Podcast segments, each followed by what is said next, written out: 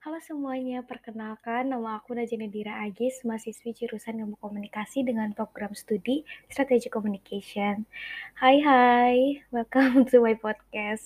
Nah, di podcast perdana aku ini, aku bakal kasih tahu kalian sedikit pemahaman aku tentang aspek dalam komunikasi. Tapi sebelumnya nih, sebelum kita ngomongin ke topik kita yang inti, Kalian tahu gak sih, kalau kita nih sebagai manusia itu kompleks. Kenapa? Karena kita tuh bisa merefleksikan masa lalu. Kita pikirin tuh hal-hal apa yang udah pernah kita lakuin. Contoh kecil nih, kayak kita nanya gini, tadi aku ngomong berlebihan gak ya? Aku tadi kesannya kok kayak nyinggung ya, padahal nggak ada niatan kayak gitu. Tapi hal ini juga bisa jadi pembelajaran kita ke depannya loh. Nah, ini juga nih termasuk bukti kalau kita tuh kompleks karena kita memproyeksikan masa depan. Jadi kayak misalkan, oh nanti aku makan, mau makan bakso aja deh, enaknya makan di warung Mas Eko sih sambil minum es teh juga. Atau nih, kemarin aku kayaknya ngomong pas sama Intan terlalu berlebihan deh. Aku nanti kalau ngomong sama dia hal yang penting-penting aja deh biar gak kelewatan. Nah, baru deh setelah itu kita tahu tentang kompleksitas kita.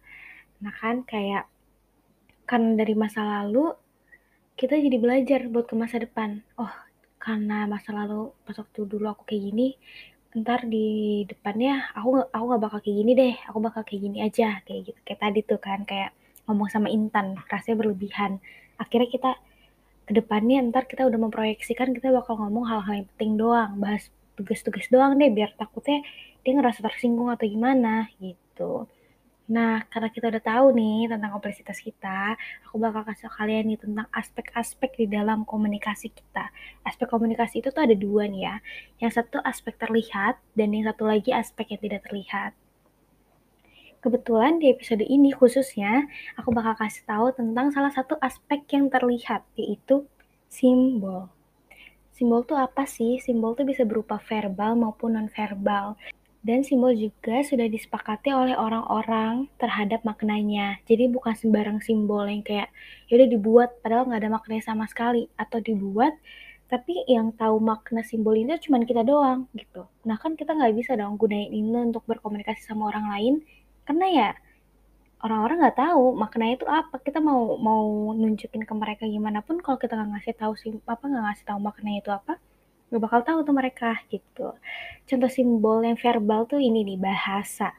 Bahasa itu kan bunyi ya, dan bunyi itu bukan sembarang bunyi gimana-gimana tapi bunyinya itu ada maknanya. Nah balik lagi tuh tadi maknanya. Bahasa juga banyak banget, bukan cuma satu, dua, tapi bisa ratusan gitu kan. Atau bahkan lebih kali ya dari ratusan, aku juga nggak tahu sih. Misalkan nih, contohnya bahasa Indonesia deh ya otomatis menjadi alat komunikasi orang-orang yang ngerti bahasa Indonesia tersebut gitu kayak sekarang kita lagi ngomong pakai bahasa Indonesia yang ngerti aja tuh kita kita doang gitu. Maksudnya yang ngerti tuh orang-orang yang belajar atau tahu tentang arti dari bahasa Indonesia ini atau maknanya gitu.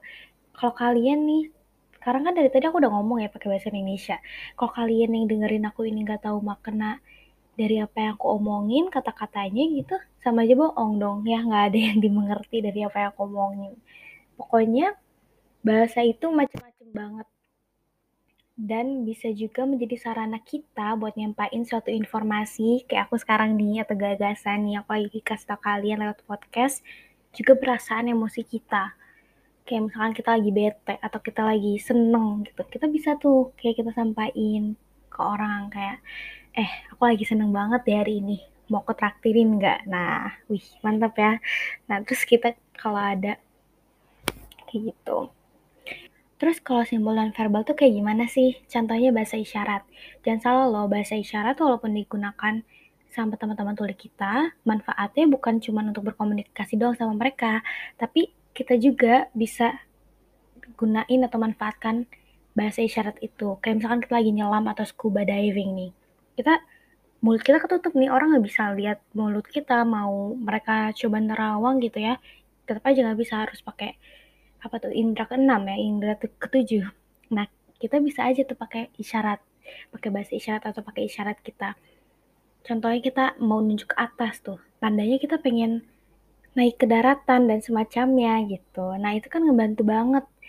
Apalagi kalau kita pakai bahasa isyarat yang baik dan benar.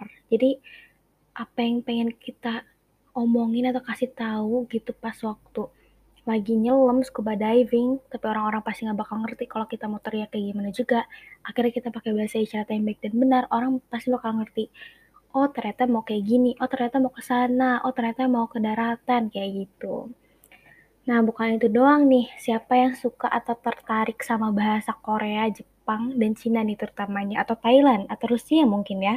Nah mereka kan ada yang namanya karakter ya atau huruf-hurufnya itu beda gitu bukan huruf A B C D yang beneran A B C D tapi berbeda-beda nih kayak misalkan Jepang ada hiragana, katakana dan kanji tuh mantap ya.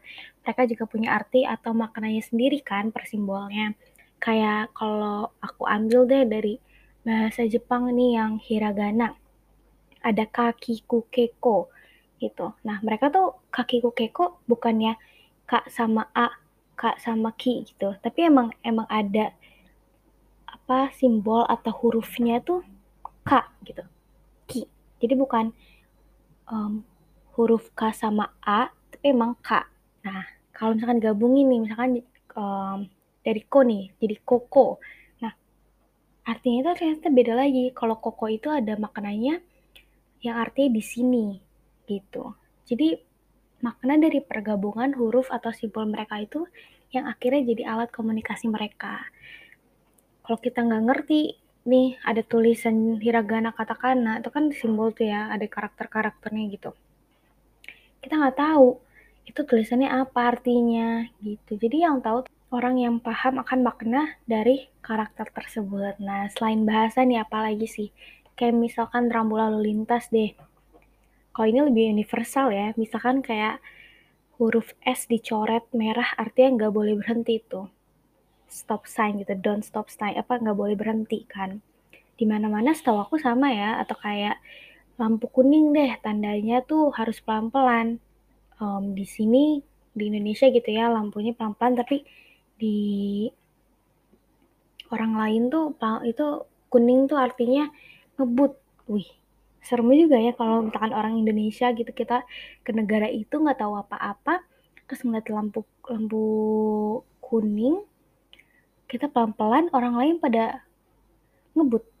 Serem juga gitu ya. Jadi maknanya itu berbeda-beda ya simbol tuh. Tapi udah pasti makna itu apalagi yang universal nih kayak um, di jalanan itu udah pasti maknanya bukan cuman satu circle atau satu lingkungan yang doang yang tahu gitu, tapi banyak orang yang tahu atau seenggaknya informasi tentang makna dari simbol itu tuh ada di mana-mana gitu.